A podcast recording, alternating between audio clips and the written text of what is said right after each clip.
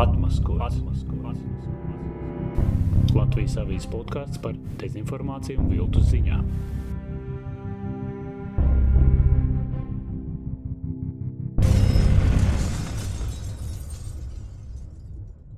Atmaskots 27. epizode. Šodien plānā mums ir saruna par vēsturi. Lai gan īsti nevar teikt, ka tas būtu kaut kas tāds, kas iepriekš nekad Latvijas avīzes podkāstos nebūtu izskanējis. Tieši pretēji vēsture tā vai citādi ir klātesoša ļoti daudzos dezinformācijas piemēros, ko agrāk esam apsprieduši. Un runājot par Krievijas dezinformāciju, vispār tā ir viena no vadošajām tēmām. Un tāpat bieži tiek izmantot arī propagandas vēstījumu veidošanā. Bet laikam ir vērts parunāt arī par vēsturiskā zinātnes nozīmīgumu, jo galu galā par to pēdējā laikā ir daudz trauksmes zvanu gan no akadēmisko aprindu puses, gan no valsts amatpersonām. Šodien mēs to darīsim kopā ar vēsturnieku Edgars Engīzeru. Sveiks! Sveiks. Ar tevi patiesībā diezgan izdevīgi runāt, jo tu nosacīti pārstāvi vairākas nometnes. Tu esi vēsturnieks, esi apgrozījies politiskajās aprindās, esi bijis deputāts palīgs, ārlietu ministrs padomnieks Nu, šo, šobrīd ir bibliotekārs. Pēdējos, nu jau laikam 20 gadus gandrīz vai ar vēsturi saistīts esmu. Vienlaikus esi arī publicists. Kādreiz to laikam tā sauc, bet uh, man ļoti grūti iedomāties vēsturnieku, kurš neko nepublisko.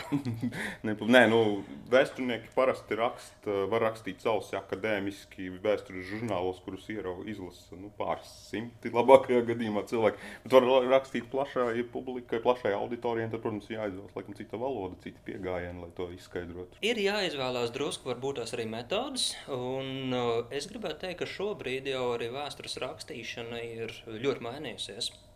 Un arī akadēmiskajā aprindā uh, nu, tas sausums, par ko tu minēji, nu, tas ir palicis jau kaut kādā pagājušajā, aizpagājušajā gadsimtā. Tās izmaiņas, kas ir notikušas, ko es gribēju iezīmēt, ka uh, nav jau tikai jāraksta. Tagad jau var arī runāt podkāstā, kā mēs tagad darām. Var uh, taisīt filmas, var uh, tie mediji, kā tekstu, kā stāstu var nost līdz auditorijai ļoti dažādi. Jā, protams, form, formas var būt dažādas. Bet viens no iemesliem, kāpēc mēs te šodien arī runājam, ir raksts, kuru nesen biji nopublicējis Latvijas avīzē, un kuram nosaukums bija par vēstures derīgumu 21. gadsimtā. Tas bija tā uz robežas starp populāro, es teiktu, un, un, un teorētisko. Es pat teiktu, vairāk teorētisks, jo kāpēc es tevi šodien paaicināju? Tāpat kā zinātniskajam darbam ir teorētiskā daļa, praktiskā daļa un secinājumi, tad mums tomēr prasītos tā praktiskā daļa arī mazliet. Tā doma bija, ka vēsture ir tāda ļoti noderīga, ļoti svarīga mūsu visās dzīves jomās. Jā, šis raksts tapa kā, kā neliela reakcija uz to procesu, kas šobrīd notiek saistībā ar vēstures mācīšanu skolās. Un, uh, Vēstures skolotāju biedrības uh, iesākto nu, teikt, atgriešanos no, no reformētā satura uz vēstures mācīšanu kā atsevišķu priekšmetu. Šobrīd vidusskolā viņi mācās kopā ar sociālām zinātnēm, zinībām. Mans raksts bija, bija tāds mēģinājums skaidrot, kā es, kā vēsturnieks, redzu, kāpēc tā vēsture vispār ir vajadzīga. Un viņi nav vajadzīgi vēsturniekiem, viņi ir vajadzīgi sabiedrībai. Līdz ar to arī Latvijas avīzes, manuprāt, ir ļoti labs medijs, lai uzrunātu ne vēsturnieku sabiedrību, skolotājus, vecākus, tos, kas veido šo priekšstatu. Un es pats arī strādāju skolā, es strādāju augstskolā studentiem. Un, un uh, pirmās nodarbības parasti ir tas ledus laušanas laiks, uh, kur uh, viena daļa no skolēniem, no apmācājumiem, studentiem. Šis jautājums ir, kam tas ir vajadzīgs? Tas par visiem priekšmetiem, tad vēsturē neko nevar. Jā, bet sabiedrībā šis priekšstats, ka fizika ir svarīga, tāpēc, ka iemāca nebāzt pirkstus rozetē, jo izskaidro, ka tur ir elektrība un bioloģija izskaidro, kādas sekas būs tam, kad iebāzīs pirkstu rozetē, ir ļoti uzskatāms saprotams. Runājot par vēsturi, citiem humanitārajiem priekšmetiem, arī sociālajiem priekšmetiem, tas ir drusku sarežģītāks, jo, jo tās sekas uz sabiedrību ir nu, teiksim, tā, mentālas. Viņas nav tik ļoti strauji fiziskas. Un tas ir tas stāsts par to, ka uh, ārstu kļūdas aprok, bet skolotāju kļūdas stājas nākamās kļūdas.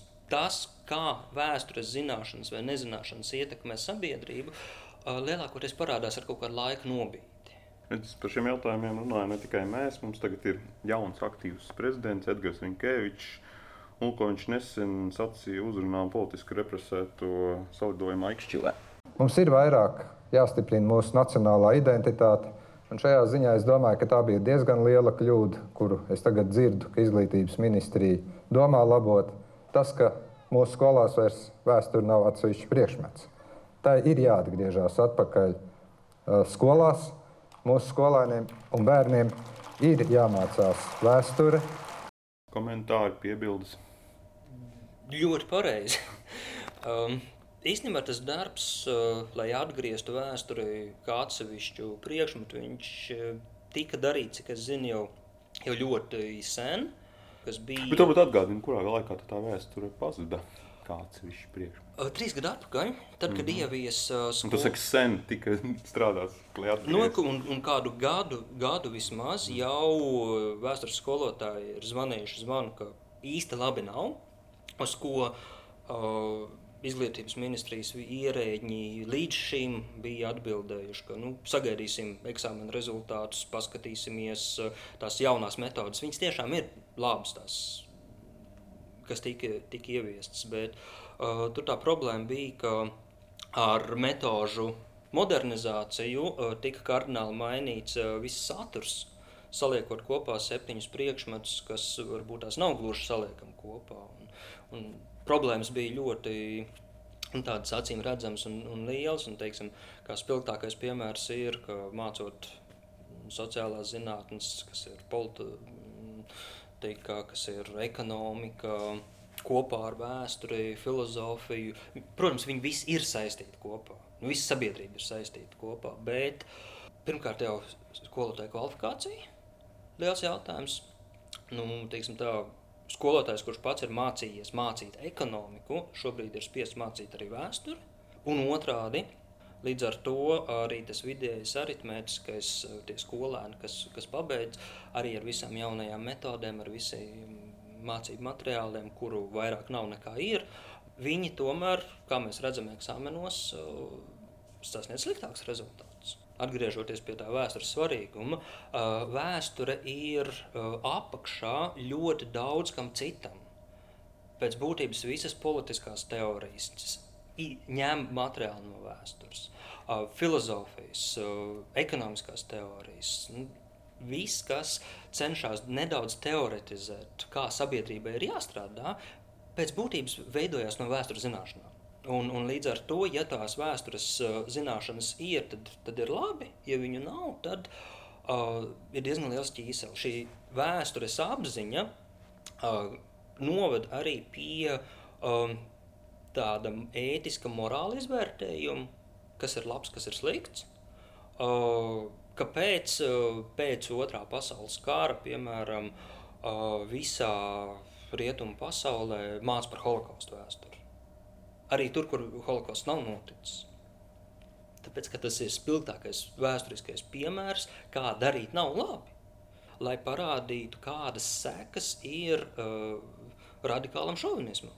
Bet es tomēr gribēju par to politisko komponentu, ko mēs te ar valsts prezidenta uh, tādu runas fragment iezīmējām. Manas pārdomas prezidents saka, ka šī šis lēmums nemācīt vēsturi Latvijas vēsturi kā atsevišķu priekšmetu bija kļūda.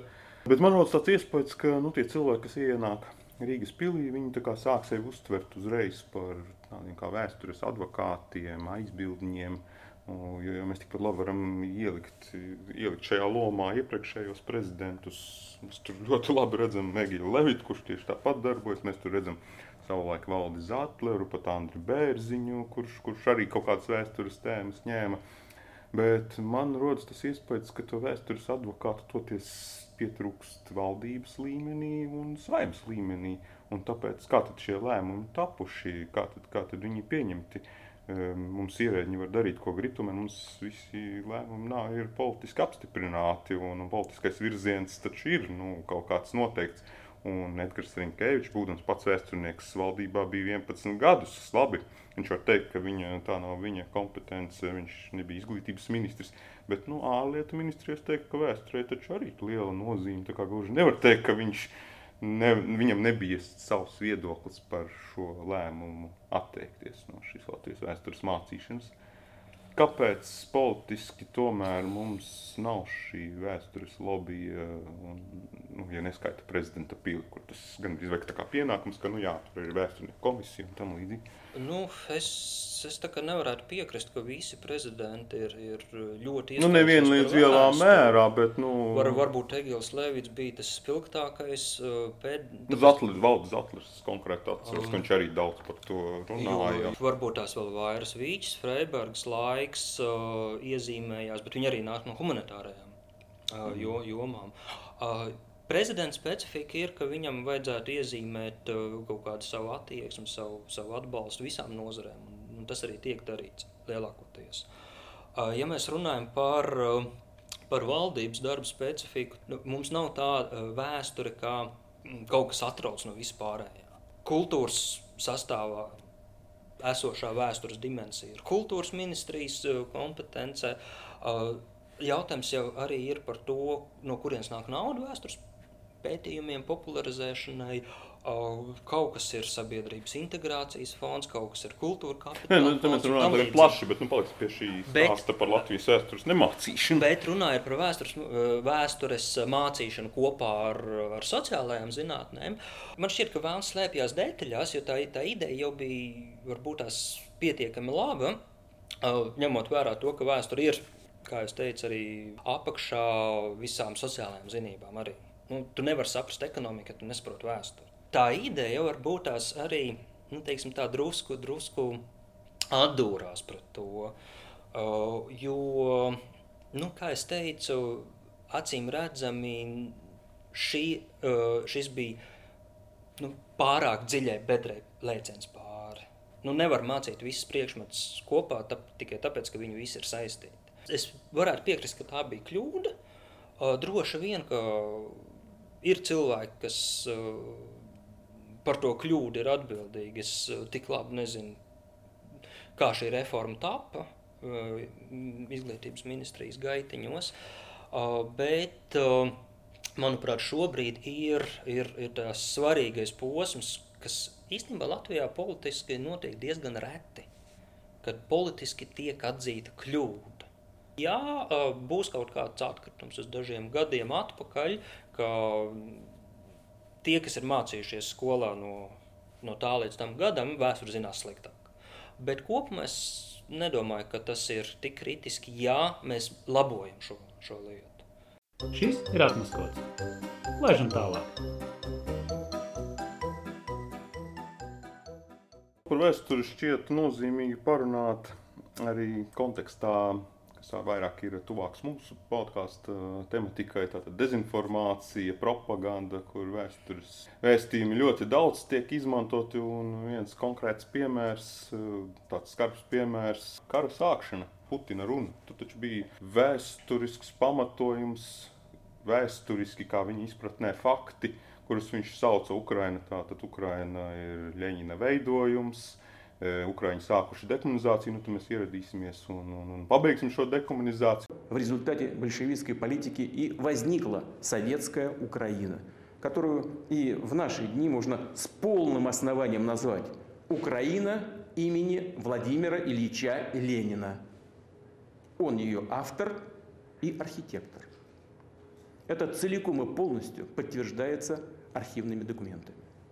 А сейчас благодарные потомки посносили на Украине памятники Ленину.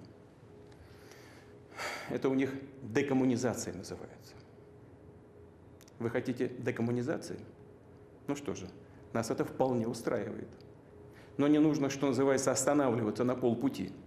Мы готовы показать вам, что значит для Украины настоящая декоммунизация. Tātad vēsture var būt arī tāds iedvesmas avots kaut kādiem radikāliem ļauniem soļiem.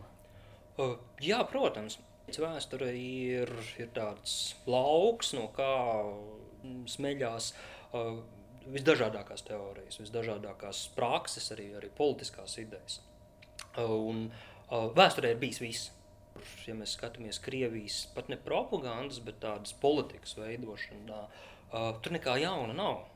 es pat, es pat varētu teikt, ka kopš kaut kā 917. gada Krievijas politikā fundamentāli jauna nav gandrīz nekā. Nu, pat tādi veidojumi, kā nu, tagad, tagad esam pieraduši, varbūt tās tur Doņetskas tautas republika vai Luhanskas tautas republika klausīties. Nu, tā tautas republika jau ir trotska laika izgudrojums. Arī Latvijas Tautas Republika bija savu laiku, vai, vai Somijas Tautas Republika.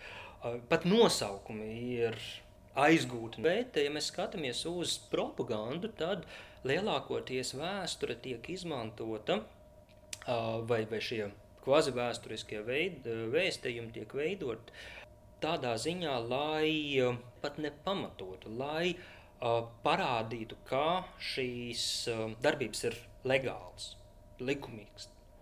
Atjaunot vēsturisko taisnību, tā tas parasti tiek saukts. Jā, un, un, un ja mēs paskatāmies, kas tas vēsturiskais taisnīgums ir, tad, tad man gribētos uh, piebilst, ka tā, tā ir politiska fikcija, kas katrā laikā tiek, tiek mainīta, izējot no politiskām gribēšanām, jo tālāk mēs ejam pagātnē, jo plašāks nu, teikt, klāsts ar visdažādākiem variantiem, kas pagātnē ir bijis tur ir bijis, parādās. Uh, ja bet, mēs... bet, pagad, bet tas darbojas.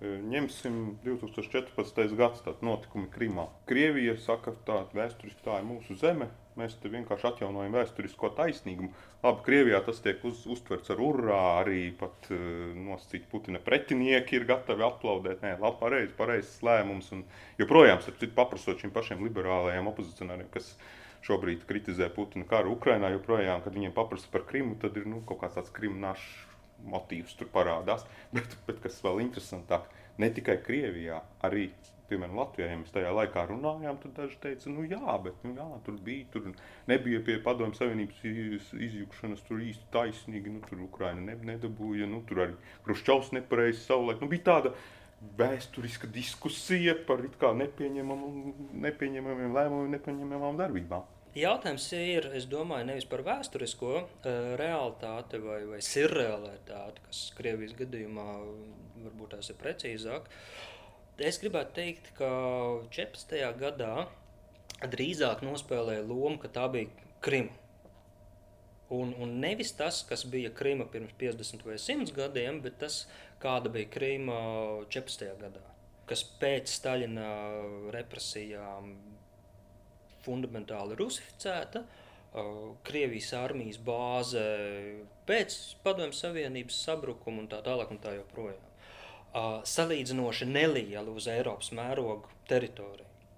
Ja 14. gadā būtu mēģinājums pilnībā iekarot Ukrainu, kā tas bija, ir šobrīd, tad es domāju, ka arī sabiedriskā reakcija tad būtu savādāk. Jo sabiedrība sevišķi, nu, ja mēs ja iedot mazo pirkstiņu, tālāk jau ņems roku. Nē, nu kā, nu, mēs nevaram. To, to mēs varam secināt, tāpēc, ka mēs redzam turpmāko attīstību. Nu, mums jau, jā, tā, tagad mēs atkal atgriežamies pie tā, ka mēs izmantosim vēsturi kā pamatu un paskatīsimies, kā savulaik. Uh, tur rīkojās nacisti, kuriem deva vienu ja, ja, teritoriju. Ja mēs skatāmies kā reizes gribēju šo piemēru izspēlēt, kā rīkojās nacisti, Klaipēdas pievienošana Vācijai, Sudetu apgabals, Austrijas Anšlus, līdz kaut kādam 39. gadam, labi, 38. 39. jau, jau tā drusku sāk baidīties, tāpēc, ka redzēja, ka tā apetīte aug. Bet līdz kaut kādam 38. un 39. gadam nu, pieņēma to realitāti. Nevis tāpēc, ka bija šis vēsturiskais konsensus, ka tā tam būtu jābūt, bet tāpēc, ka ir šis uh, reāli politiskais skatījums sabiedrībai tomēr. Arī Krievijas gadījumā nu, līdz šim pilnam apmērā iebrukumam Ukrainā sabiedrība pieņem šo realitāti. Un, un tas iemesls, kāpēc dažāda līmeņa noziegumi vai, vai dažāda līmeņa šīs agresijas tiek tolerētas, tomēr ir bailes. Neviens negrib lielu kāru. Principā visi saprot, ka pēc Pirmā pasaules kara pieredzes, pēc Otrā pasaules kara pieredzes, liels karš neatkarīgi no tā, kuras valsts viņā ir iesaistīts, ir ārkārtīgi postoši. Tas nav vēsturiski taisnīgums vai netaisnīgas rīcības izpratni. Jautājums ir par apmēru. Un tajā brīdī, kad nu, tiek frontes līnija tūkstošiem kilometru garuma, Līdz ar to tā reakcija ir daudz savādāka. Mm -hmm. Bet, nu, es saku, vienkārši argumenti ar, par reakciju viss skaidrs, to mēs redzam. Bet, uh, tie argumenti jau tika izmantoti līdzvērtīgi tajā laikā, kad viņi tā, tā kā savā ziņā tika akceptēti, iespējams, tavu iemeslu minēto dēļ, ka negribēja karu, nu, bet nu, viņi tika akceptēti vēsturiskie. Šobrīd viņi vairs netiek akceptēti, lai gan Putins atkal viņus lieto. Viņš jau ir pateicis savu atskaites punktu. Tātad, Viņš jau 2005. gadā pateica, PSRS sabrukums bija ģeopolitiska katastrofa, Krievijai milzīga drāma. Прежде всего следует признать, и об этом я уже говорил, что крушение Советского Союза было крупнейшей геополитической катастрофой века. Для российского же народа оно стало настоящей драмой – apmēram ar domu, ka nu, kaut kā jau tas būtu jālabo. Lai gan nu, toreiz viņš to ne, nerunāja, bet nu, tagad, tagad viņš sācis runāt, ka tas ir jālabo. Tātad viņš ņem no šīs vēstures apcirkņiem, kur tu savā rakstā raksturo, cik tas viss ir noderīgi un vajadzīgi. Viņš ņem savām vajadzībām.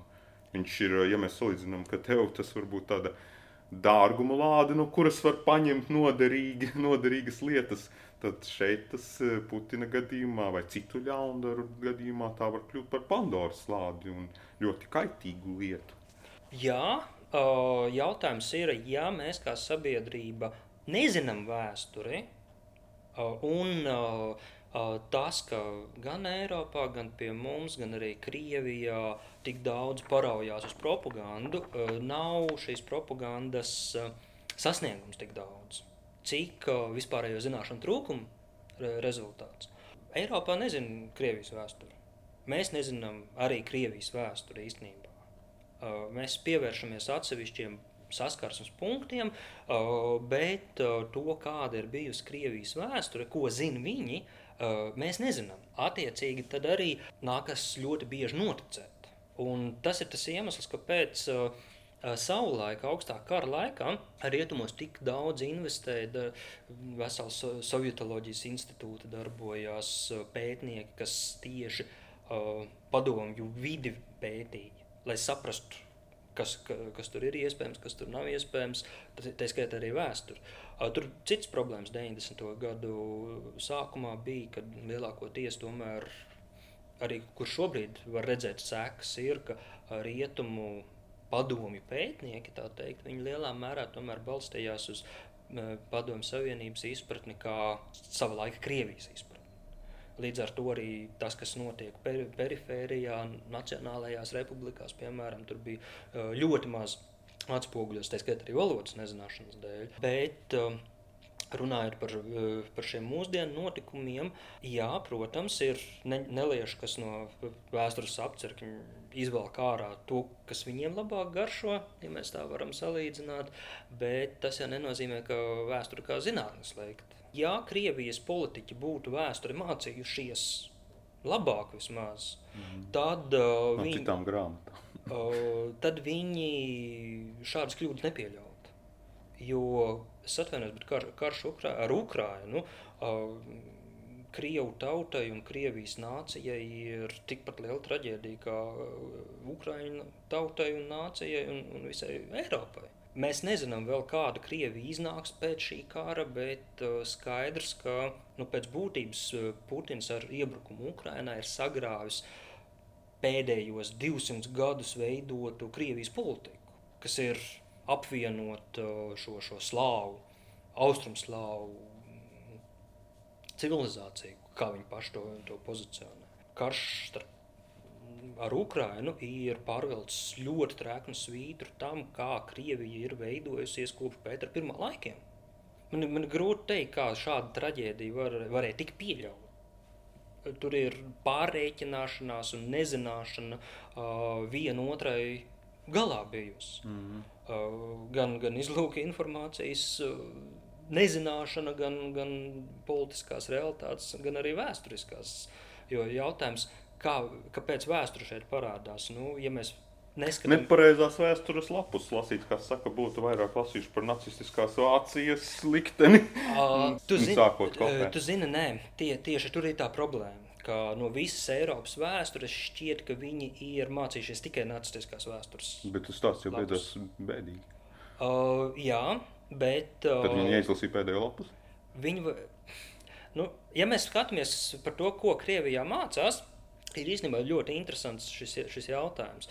Uh, vēl pirms gadiem desmit man rokās nonāca viena mācību grāmata vidusskolē paredzēta uh, par lielo tēvijas karu kā reiz, uh, kur man ļoti liels pārsteigums bija, ka gandrīz katrā otrajā lapas pusē ir uh, kāds no nacistiskajiem politiķiem, karavadoņiem, mm. ģenerāļi, kas uh, tiek parādīti, un tas ir 2010. gads, uh, kas tiek parādīti nu, tādā, ja ne pozitīvā, tad vismaz neitrālā gaismā. Mm. Nē, nu, mēs jau te vienā citā podkāstā runājām arī par šo putinismu, na, kā mūsdienu nacismu paveidu. Ka, Kāpēc tik daudz tiek kopēts, ka nu, tā stilizācija un viss savā ziņā sākās jau padomju laikā ar filmu 17. pavasara mirkļi, kur nu, it kā nacisti ļaunie, bet viņi tādi skaisti padarīti un tādi interesanti. Un, un tur jau it kā kaut kāda tā interese parādījās, varbūt ne vēl par šīm idejām kā tagad, bet jau par, par šo formu un visu šo stilu jau bija tā. Um, Ar idejām ir sarežģīti, jo, ja mēs skatāmies uz uh, Krievijas uh, ideoloģiju vai, vai politisko filozofiju un, un to pašu mm, Vācijas uh, politisko filozofiju, kuras viena lapas puse ir veltīta nacismam, Vācijas politika, politikā ir, ir daudz plašāks ideju spektrs, tad uh, es diemžēl būtu jāatzīst man, ka Krievijā šīs uh, idejas, kas ir kopīgas ar nacistiem, ir uh, daudz vairāk un daudz senākas par putinismu. Nu, kaut vai ja mēs paskatāmies, no kurienes tad nacisti iemācījās uh, lēģeru sistēmu. Tas jau bija no padomju Krievijas aizgūts prakses. Uh, ja mēs skatāmies uh, uz, uz šo antisemītismu komponenti, kuras augstākā izpausme holokausts mums visiem ir zināma, tad, tad uh, ja mēs paskatāmies uz to, par ko rietumu sabiedrība bija sašutusi, piemēram, pirms Pirmā pasaules kara, 19. gadsimta beigas, 20. gadsimta sākums, 903. gads, varbūt vēl pirms revolūcijas, Krievija, uh, šis carismu, tā, tā zelta laikmets, tad uh, tas ir antisemītisms Krievijā, ebreju grautiņi. Tur nebija vēl tādas izpratnes par cilvēktiesībām, kāda ir mūsdienā, bet to, ka Krievijā antisemītisms ir pārkāpis šo sarkano līniju, tas bija acīm redzams. M- Mums ir ļoti labi, labi, labi šie piemēri, zinām arī tāpēc, ka uh, ebreju apmešanās Latvijā lielā mērā jau tieši dēļ tā bija balstīta. Tāpēc, ka no Maskavas, no, no Petrograds uh, skatoties, ir, ir šī valsts politika, kad aizliedz ap, apmesties uz dzīvi pilsēties, ebrejiem tur noteikti kilometru skaita. Čertāta sēdlisti, šis apmešanās zona, kas sakrit vairāk vai mazāk ar kaut kādu teritoriju Latvijā. Tāpēc pēc būtības tāda, tāda, tāda geto politika jau viņi nav nacisti izgudrojuši. Bet es vēl Daudz gribēju par, par, par, tomēr par šiem mēģinājumiem izlasīt no vēstures eh, sev noderīgo, ko darām ne tikai ar, ar pozitīviem nolūkiem, bet arī negatīviem. Nu, dezinformācija tātad ļoti plaši. Dažreiz šī dezinformācija ir pat balstīta uz kaut kādiem konkrētiem vēsturiskiem faktiem, kurus nu, grūti apstrīdēt. Man te viens piemērs. Nesen apskatījos, ka Krievijas propaganda ļoti aktīvi pieķērusies Polijai. Nu, skaidrojums ir diezgan ātri kļuvis skaidrs, kāpēc tas notiek. Polijā 15. oktobrī parlamenta vēlēšanas, kā parasti tur a- a- asas iekšējās diskusijas un, un, un dažādi pavērsieni un tam līdzīgi. Un, protams, kā jau mēs zinām, Krievija ir ieinteresēta nestabilitātei, ceļš Polija, kas tagad ir uh, Ukrainas lielākais atbalstītājs, lielākais balsts. Nu, tad, tad vajag kaut ko darīt, lai mēģinātu Poliju destabilizēt. Vēlēšanas ir pateicīgs laiks, vara mainās, pat ja tur tas nākamajā valdība uh, iet ar to pašu kursu, kaut kas ļoti līdzīgs. Un tagad tiek vilkts ārā viss iespējamais, tur sākot no iekšpolitiskajām diskusijām, tur ka, ka ir kaut kāda polijas spēka, arī polija, kas pārmet pārāk, ka pārāk daudz tai Ukrainai dot un ka pašiem pamal, paliek mazāk. Nu, tas ir visās valstīs lielākoties izplatīts, arī mums dzirdēts. Bet arī sāk parādīties šie vēsturiskie stāstiņi. Turklāt ne tikai Krievijas, bet nu, viņi arī kaut kā tiek iepludināti šī polijas, polijas informatīvajā telpā un ļoti aktīvi tiek atgādināts uh, Volīnijas slaktiņš 40, 1943. gads, otrā pasaules kara laiks. Un, tāds viens spilgtākais piemērs - prokrievisks Ukrainā dzimis blogeris Mihails Anufrenko. Viņš bija uzaicināts uz labi zināmo Sputņika portāla video, video tāda sadaļa, viņam ir raidījums. Uh, Un viņš bija plaši pieķēries šai tēmai un, un stāsta, ka nu, Polijā vispār Volīnijas slaktiņu uzskata par genocīdu, bet šo genocīdu rīkoja banderovieši. Tagad Ukrainā pie varas ir banderoviešu režīms, tātad nekāda draudzība te nevar sanākt. Pašlaik poļi vienkārši izliekas savu interešu dēļ, jo patiesībā viņu nākotnes plāni ir atgūt vēsturiskās Polijas teritorijas. Un tad, kad būs Ukrainā, viņas atgūst, viņi ies tālāk un uz Viļņu, kas arī ir vēsturiski bijusi Polijas daļa. В Польше есть закон, который признал Волынскую резню геноцидом польского народа. Волынскую резню устроили бандеровцы. Соответственно, здесь противоречия э, кардинальные, они не разрешатся до тех пор, пока не будет уничтожен бандеровский режим. Бандеровцев они ненавидят. Ненавидят люто, потому что надо еще помнить, что хотя после войны прошло там 78 лет, но, во-первых, э, Волынскую резню попали все, включая детей, поэтому некоторые, кому за 80 или под 90, помнят эту Волынскую резню. Такие люди еще живы. Живя перед до 1939 года с гитлеровцами душа в душу. Напомню, что Польша первой подписала с Гитлером еще в 1933 году договор о дружбе и взаимопомощи.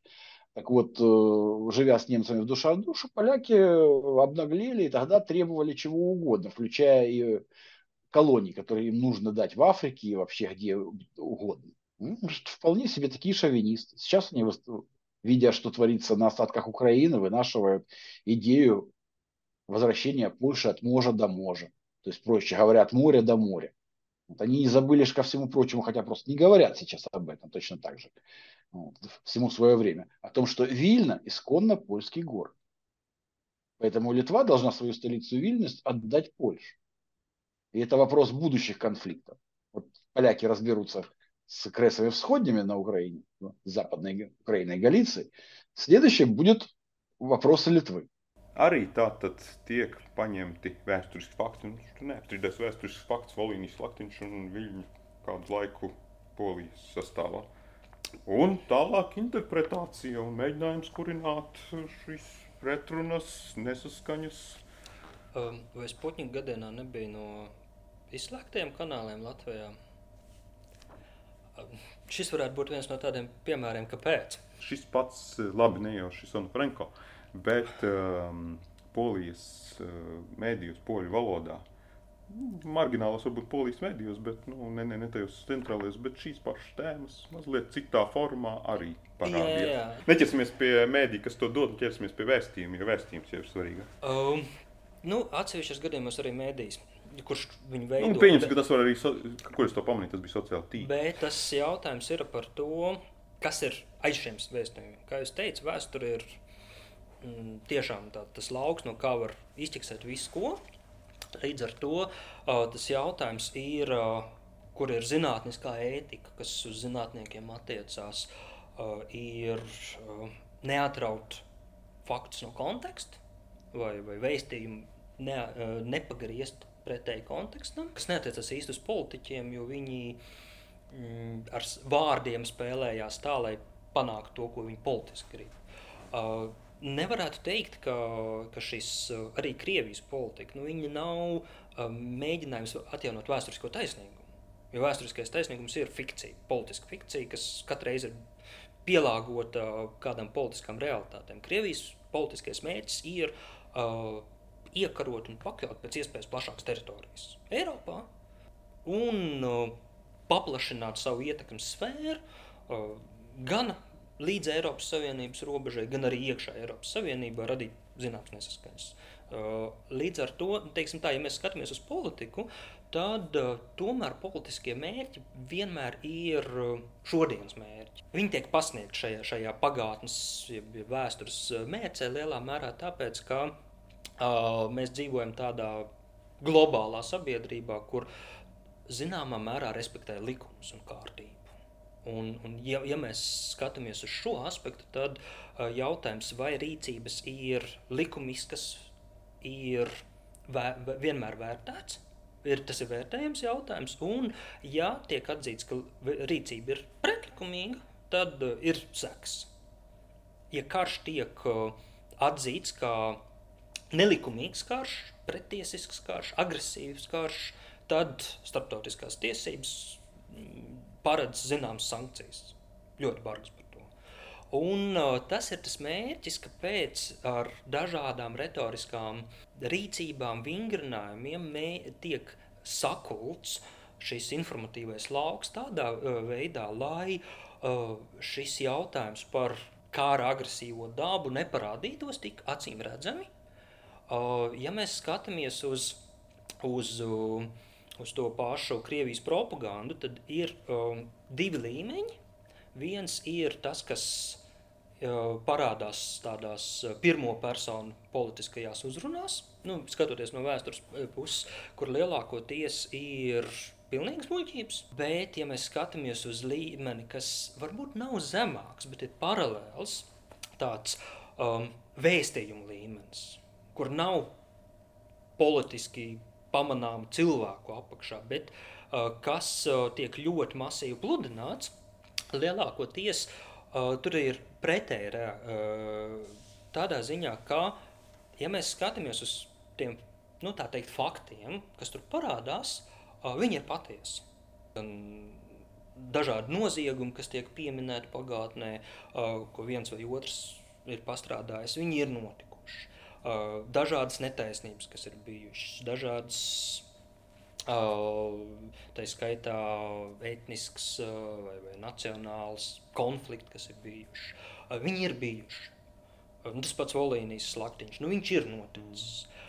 Jautājums ir par to, ka lielākoties tas tiek atrauts no konteksta un ielikts jaunā, radītā stāstā.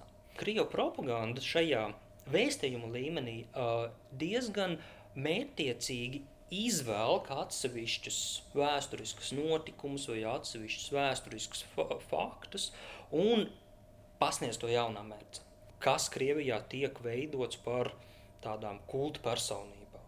Un tas, kā jau teicu, nav stāsts par vēsturi, bet par to, šo nākotnes kodēšanu. Nu, Staļina kults ir atgriezies spilgtāk nekā jebkad padomju savienībā pēc Staļina nāves.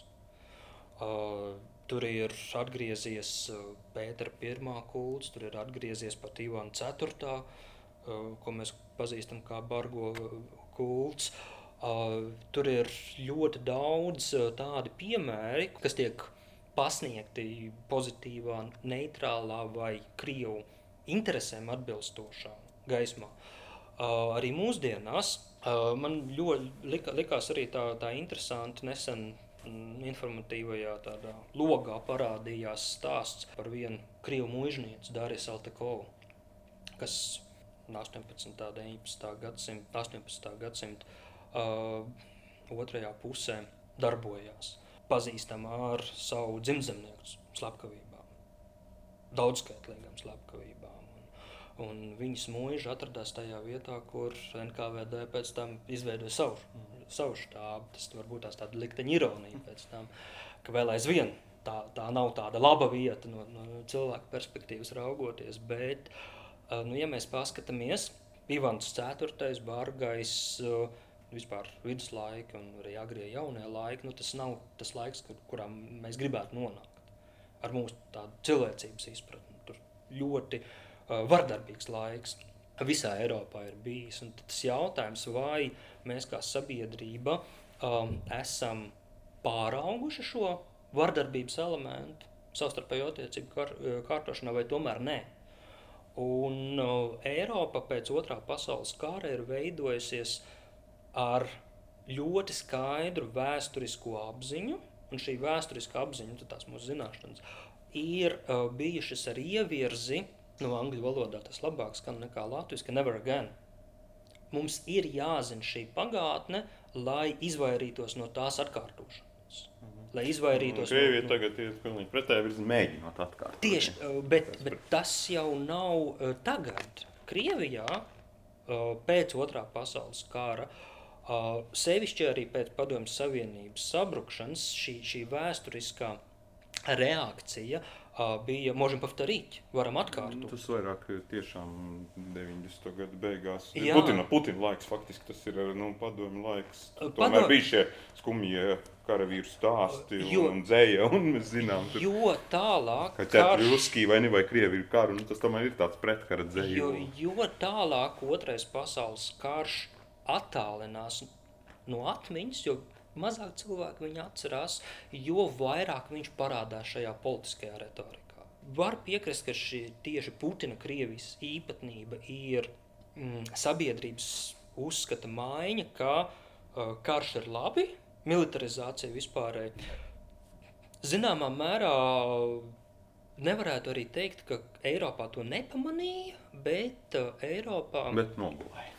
Eiropa šī apziņa, ka nu, visi taču saprot, ka karš ir slikti, bija pārāk spēcīga. Ja mēs skatāmies uz to, uz to vēsturisko komponentu atkal, tad uh, uh, jā, uh, mērķiecīgi izķeksējot atsevišķus piemērus un Uh, tas ir viens aspekts, un otrs aspekts, ka, ko Krievijas propaganda dara, ir um, arī šajā vēstījumā, ko, ko, ko tu minēji, kā piemēra, tur parādās tādi ļoti primitīvi, retoriski paņēmieni, ka tie, kas nezina vēsturi, uz, uz, viņiem arī uzķerās, uh, kas ir um, uh, viltus problēmas radīšana.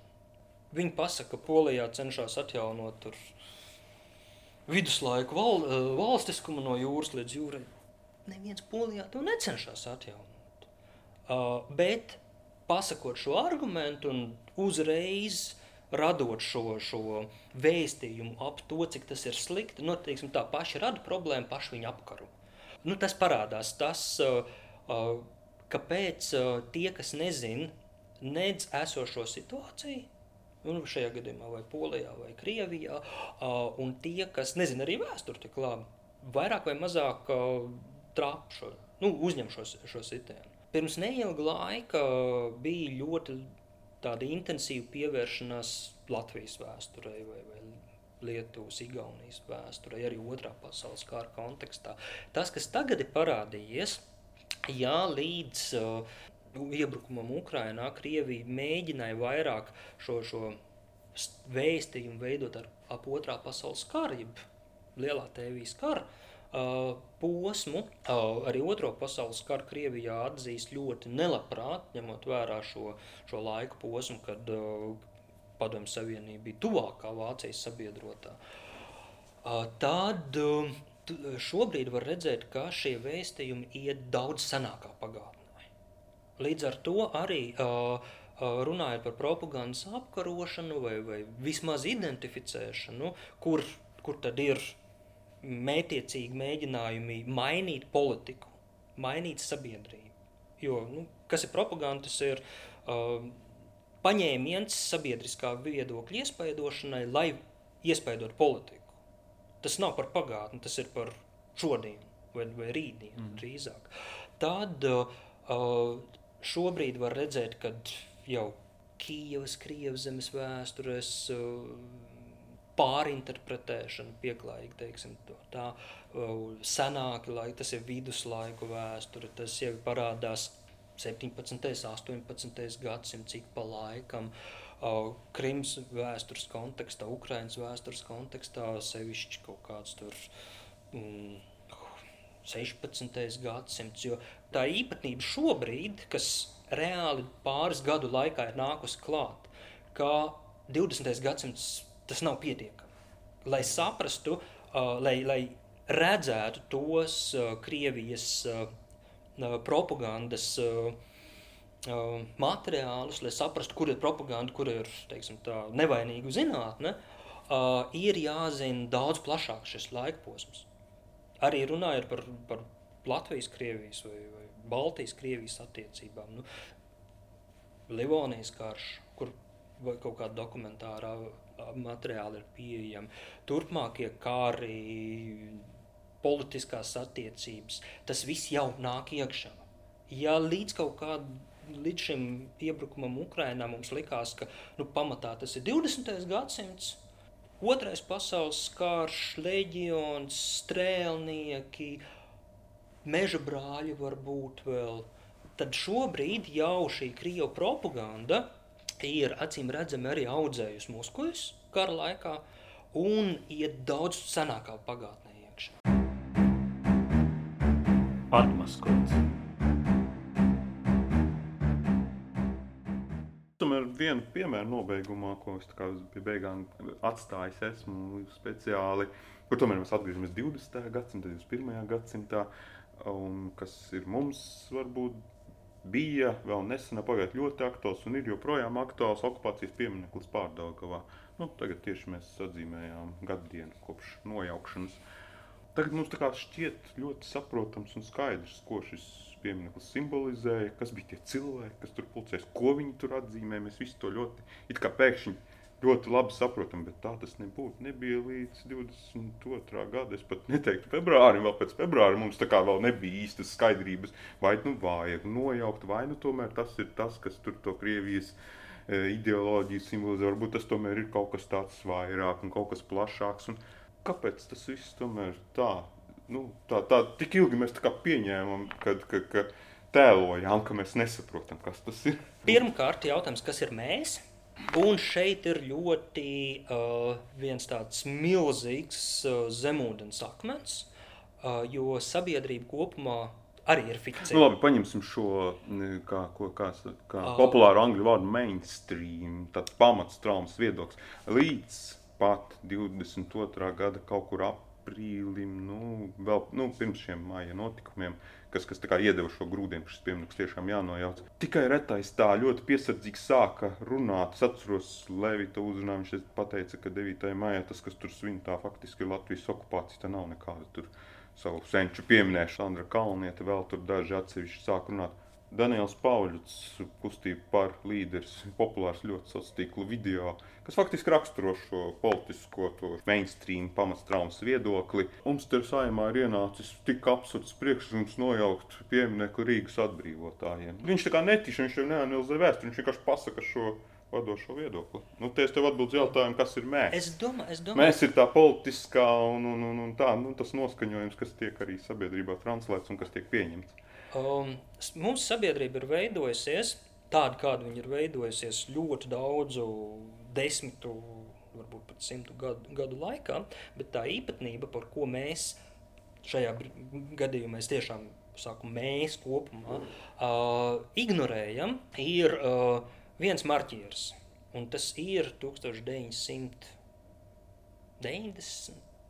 gada 3. marts ja es pareizi atceros datumu, aptauja par to, vai jūs gribat, vai jūs atbalstat Latviju kā neatkarīgu demokrātisku valstu, kur tuvu pie 25%, kas uz to brīdi ir kaut kādi 400 tūkstoši cilvēku, saka, ka nē. Neatkarības atjaunošana, padomju armijas izvešana, turpmākie visi procesi, bet tomēr tas, ka Latvijā uz neatkarības atjaunošanas brīdi bija ļoti liels skaits ar cilvēkiem, kas bija pret neatkarību, un viņi vienas dienas laikā nepazuda nekur. Uh, mēs to esam noignorējuši, cenšamies to neredzēt. Kaut, kaut ko Kaut kas ir integrācijas politikas ietvaros, varbūt tās integrējies. Bet es tomēr, tomēr par cik mums saruna ir par vēsturi. Es tomēr gribu virzīt nevis. Mēs varam ļoti plaši par šiem jautājumiem runāt par sabiedrību, par, bet, par to. Bet vēsturiskā izpratne, ko nozīmē šis piemērs, mēs līdz, mums līdz 22. gadā pamainījās. Pa, pa, Vai arī mēs izlikāmies iepriekš, ka mē, mēs tā kā pievērām acis uz šo uh, izpratni? Šie iz, šī izpratne lielā daļā sabiedrību kopš 75. gada kad to pieminiektu sāka būvēt, bija pietiekami skaidrs, ka tas nav mūsu piemineklis. Liela daļa no sabiedrības jau padomu laikā viņu ļoti labi, teiksim tā, precīzi redzēja, ka tas ir padomju varas marķieris, kas ir svešas varas marķieris. Un par šo īstenībā es pavisam nesen kaut kad sociālos tīklos arī atmiņās vienu savu rakstu redzējis, Latvijas avīzē vēl, man liekas, ka vēl pirms 14. gada, kas bija tieši par pieminekļiem, jo tajā laikā arī 8. 9. gada arī bija diskusijas par pieminekļiem. Gan par uzvaras pieminekli tā saucamo, gan uh, par Aleksandra uh, triumfu arku, gan citiem impērijas laika pieminekļiem, uh, kur uh, es neatsakos no saviem vārdiem, uh, teicu skaidri un gaiši, ka pieminekli neliek vēsturnieki, pieminekli liek politiķi. Tas ir politisks marķieris. Gan pirms 13. 14. gada, gan tagad, nu nav jau tā, ka tas viedoklis ir kardināli mainījies. Jautājums ir varbūt uh, arī politiski tie riski, kas tika uztverti tajā laikā, kad no Krievijas baidījās, bija vieni, un tie riski, ko uztver šobrīd, kad redz, ka Krievija ar visu tās militāro varenību ir ļoti uzpūsts zīmols, uh, ir citi. Nu, bet tas nozīmē, ka mēs arī vēsturi varam pieklusināt, ja mums ir bailes.